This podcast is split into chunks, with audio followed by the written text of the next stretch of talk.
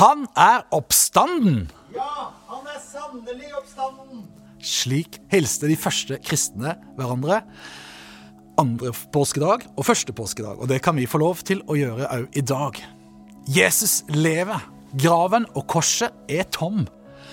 Alle som tar imot Jesus og hans frelse, er igjen i familie, slik Gud ville det fra starten av og hadde tenkt det. Vi kan igjen komme fram til pappa Gud i himmelen, for Jesus har åpna veien og gitt oss nåden i gave. Du har sikkert som meg opplevd en veldig, og kanskje den mest annerledes påska du kan huske. Ikke fordi innholdet er annerledes, men fordi at våre rammer og omstendighetene er plutselig veldig forandra. Jesus kom og forandra og gjorde om på utrolig mye i denne verden. Ja, ikke bare påskas innhold, som han samtid og israelsfolket da, hadde eh, feira på en bestemt måte i vanvittig mange år. Men han kom med noe helt nytt. Guds rike er nær, og er kommet nær ved Jesus. Alle mennesker i denne verden har et håp ved det Jesus kom med. Hør 2. Korinterne 5 og vers 17. Derfor, hvis noen er i Kristus, er han en ny skapning. Det gamle er borte. Se, det nye er blitt til. Og er du som er litt sånn midt i livet, eller kanskje litt forbi det òg, så husker du 1930-oversettelsen, som veldig presis sa på slutten der Alt er blitt nytt. Det gamle er borte. Alt er blitt nytt. Halleluja.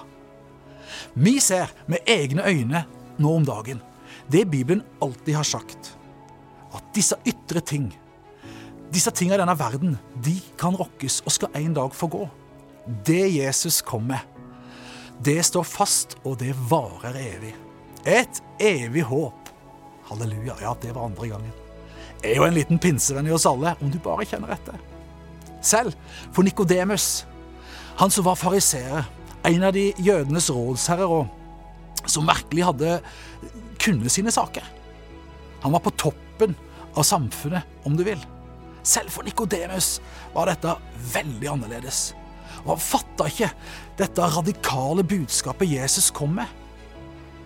Og derfor luska han seg til Jesus om natta for å spørre om det som han kanskje tenkte egentlig han burde ha kålt på sjøl. Det var veldig annerledes. Nåden verden aldri hadde sett før. Så radikal.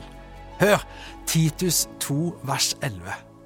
Guds, for Guds nåde er blitt åpenbart for å gi frelse til alle mennesker.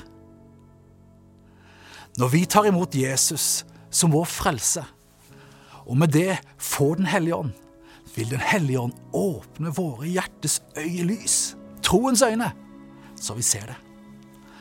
Og at vi kan bekjenne slik tvileren Thomas gjorde etter at han hadde møtt Jesus den oppstandende. Min Herre og min Gud.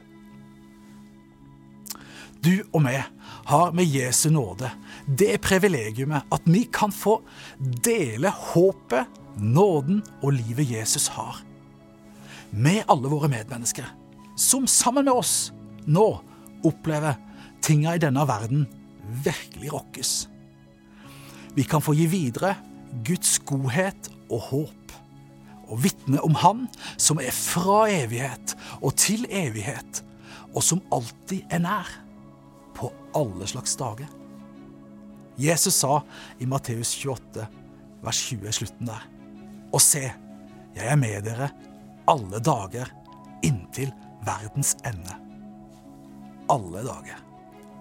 Gud taler ofte til oss i språk og termer som vi kjenner. Og Han ga meg et slikt bilde for en liten stund siden av denne snekkervesten min her. Den brukte jeg veldig mye før. Og den eh, er kjekk når en skal snekre, tømre. Bruke skruer og spiker og ha med deg hammer og det du trenger eh, på, på deg for å kunne gjøre den jobben du er satt til å gjøre som tømrer.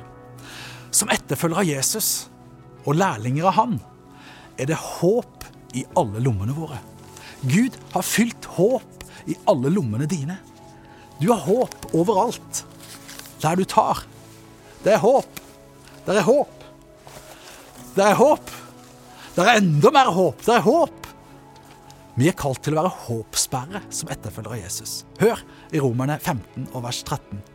Måtte håpets Gud fylle dere med all glede og fred i troen, så dere kan bli rike på håp ved Den hellige ånds kraft.